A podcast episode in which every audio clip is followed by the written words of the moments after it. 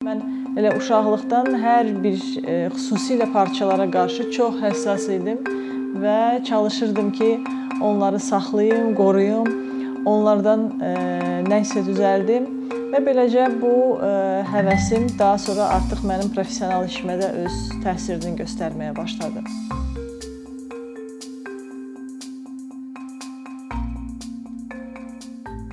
Məndən çox vaxt soruşurlar ki, nəyə görə məhz bu istiqaməti seçmisən?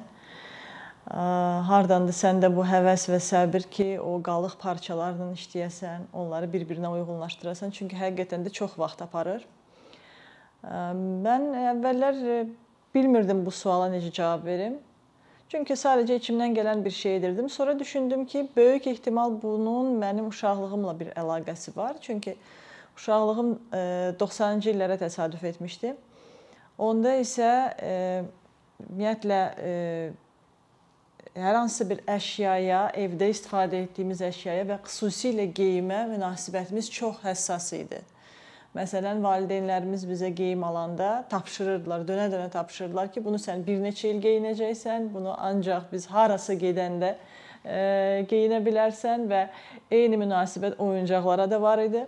Mənə elə gəlir ki, bununla əlaqəlidir. Ona görə də mən elə uşaqlıqdan hər bir e, xüsusilə parçalara qarşı çox həssas idim və çalışırdım ki, onları saxlayım, qoruyum, onlardan e, nə isə düzəldim və beləcə bu e, həvəsim daha sonra artıq mənim professional işimə də öz təsirini göstərməyə başladı. Həqiqətən də bu mənim üçün artıq bir həyat tərzinə çevrilib. Hər dəfə əlimə keçən o parça qalıqları məni elə bil ki, bir ə, qarşıma bir məsələ qoyur ki, görüm bu dəfə nə edə biləcəksən, ə, bizi hansı şəkilə sala biləcəksən. Ona görə bax bu ə, sanki belə bir ünsiyyət, bu oyun mənim çox xoşuma gəlir. Ə, amma ə, mən bilmirdim ki, mənim ə, bu həvəsim ə, gələcəkdə ə, bu gün yəni qlobal məsələlərdən biri olan bu e, ekoloji mövzuya belə uyğun olar. Çünki dediyim kimi əvvəllər mən e, bu işlə məşğul olanda mənim heç bir belə deyim ekoloji baxımdan bir niyyətim yox idi. Mən heç bilmirdim, yəni bunun əhəmiyyətini. Amma ə, e, həmişə içimdə belə bir istək olub ki, mən məhz cins ə, e, istehsalı ilə məşğul olum.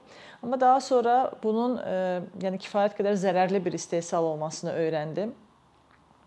Çünki düzdür, bu gün elə cins geyim istehsal edən brendlər var ki, onlar ə, yəni istehsal zamanı ətraf mühitə olan zərəri mümkün qədər azaltmağa çalışırlar.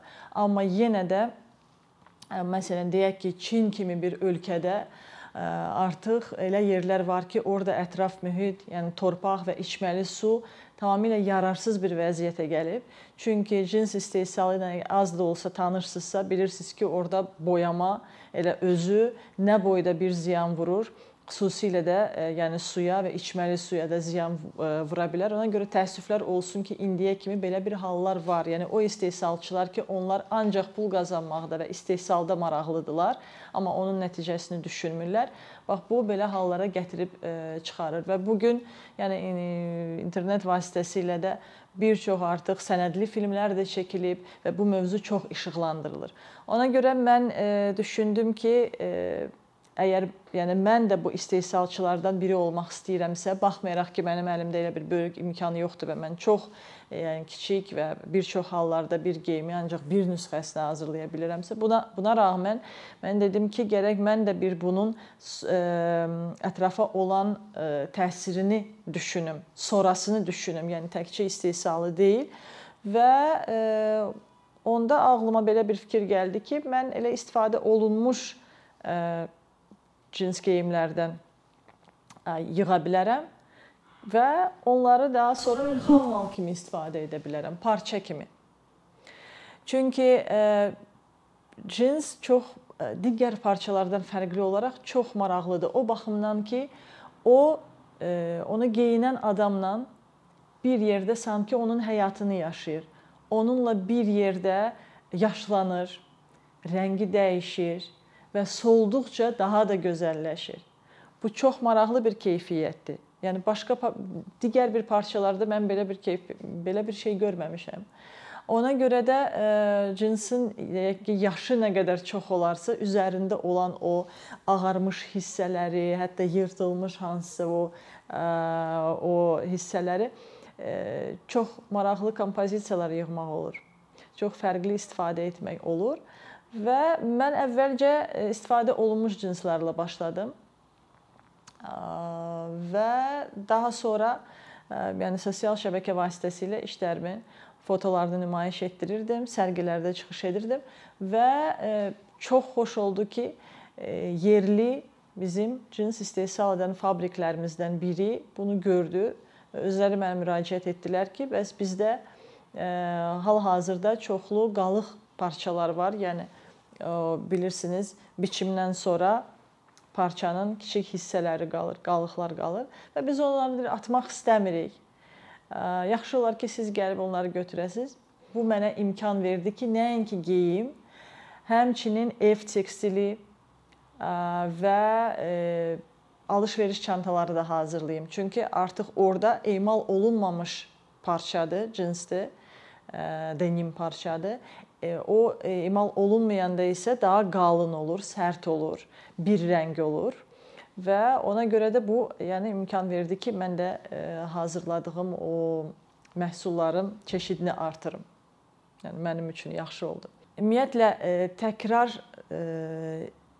istehsal bax bu prinsiplə gedən geyim brendlərinin sayı get-gedə artır. Hətta elə geyim brendləri var ki, onlar özləri öz müştərilərinə müraciət edirlər ki, əgər siz bizdən aldığınız bir geyimi artıq yəni istifadə etmisinizsə, onu atmaq əvəzinə bizə qaytarın, endirimlər qazanın və ya biz onun əvəzinə sizə yenisini daha aşağı qiymətə təklif edək və həmin şirkətlər bunu nə edirlər? Toplayırlar və artıq o geyimlərin tərkibi baxımından onları ayırırlar və bu tək, təkrar emal olunur, yenə də sap əyrilir və yenə də parça hazırlanır və yenə də e, yəni artıq yeni e, geyimlər ərsəyə gəlir. Hətta okeandan toplanmış plastikdən belə e, yəni e, ondan belə e, yəni elastan kimi istifadə edib yeni parçaların tərkibindən qatırlar. Və artıq o e, şuurlu deyək ki, insanlar sırf ekoloji baxımdan mən nəzərdə tuturam, məhz belə geyimləri axtarırlar. İstəyirlər ki, onlar geyim aldığı zaman, yəni bilsin ki, mən buna pul verirəmsə, mənim də nəsə bir töhfəm oldu ətraf mühitə və yaxud da mənim geyindiyim bir şey e, istehsal olunarkən ətraf mühitə o qədər də zərər vurmur. Yəni bu ə, e, əslində çox yaxşı bir şeydir ki, belə bir insanların sayı artır, amma sizə deyim ki, dünya ə, e, yəni o ölkələri götürsək, hardakı təkrar istehsal çox geniş yayılıb, bu isə xüsusilə Məsələn, Avropa ölkələrindən Almaniyada onlar çox həssaslar bu mövzuya. Orda ələ xüsusda dizayner geyimləri, bax bu təkrar istehsal olan, ə, yəni qiyməti kifayət qədər yüksəkdir. Məsələn, mən öz geyimlərimdə qiyməti deyək ki, bizdə orta kütləvi geyim istehsal edən brendlərin qiyməti kimi saxlamağa çalışıram. Çünki hal-hazırda mənim marağım budur ki, bu geyimlər istifadə olunsun. Daha çox insan onları alsın və təxmini mən e, onların yəni e, təxmini gəlirini bilirəm deyə ona uyğunlaşdırmağa çalışıram. E, məndən bəzi bəzən soruşurlar olur ki, yəni səndə bu sırf bir dizayner fikridir və bu geyimdən bəzən olur ki, heç sən ikincisini təkrar edə bilmirsən çünki artıq o parçalar əlimə keçmir nəyə görə bəs qiymətlər dizayner geyimi üçün belə aşağıdır? Mən başa salıram ki, məqsədim bunu yaymaqdır, bu haqqda danışmaqdır. Çünki biz danışdıqca insanlar inanın ki, gündəlik vərdişlərində belə dəyişiklik edə bilirlər. Artıq nə isə istifadə etdikdən sonra atmır, küçəyə atmır. Düşünür ki, mən bunun bəlkə ömrünü uzada bilərəm. Bəlkə daha faydalı bir şey hazırlaya bilərəm. Dünyada buna recycling və upcycling kimi, yəni sözlərlə tanınır. Burada bir balaca fərq var. Məsələn, upcycling dedikdə bir yəni istifadə olunmuş artıq əşyanı başqa bir yeni bir əşyaya çevirmək kimi anlamına gəlir. Recycling daha çox mənim etdiyimə yaxın olan bir anlayışdır. Yəni mən qalıqları toplayıb istehsaldan qalan o qalıqları toplayıb yeni bir şey ə, hazırlayıram və hətta sizə deyim ki, mən öz hazırladığım geyimləri belə olub ki, təkrar istehsal etmişəm, təkrar kəsmişəm, təkrar yeni bir şey ə, hazırlamışam. Belə də olub. Ə, bir də insanları çox vaxt maraqlandıran odur ki, Məsələn, hər hansısa bir sərgidə və ya artıq canlı şəkildə mənim etdiklərimi görəndə o geyimləri e, deyirlər ki, bir dəqiqə bunu artıq kimsə geyinib, yoxsa bu nəsə qalıq parçalardır, ya nədir bu? Və ilk vaxtlar eşidəndə ki, bu istifadə olunmuş, yəni deyək, cinslərdən hazırlanmış bir pencəkdir. Necə ki, mənim əynimdə elə elə bir pencək var hal-hazırda.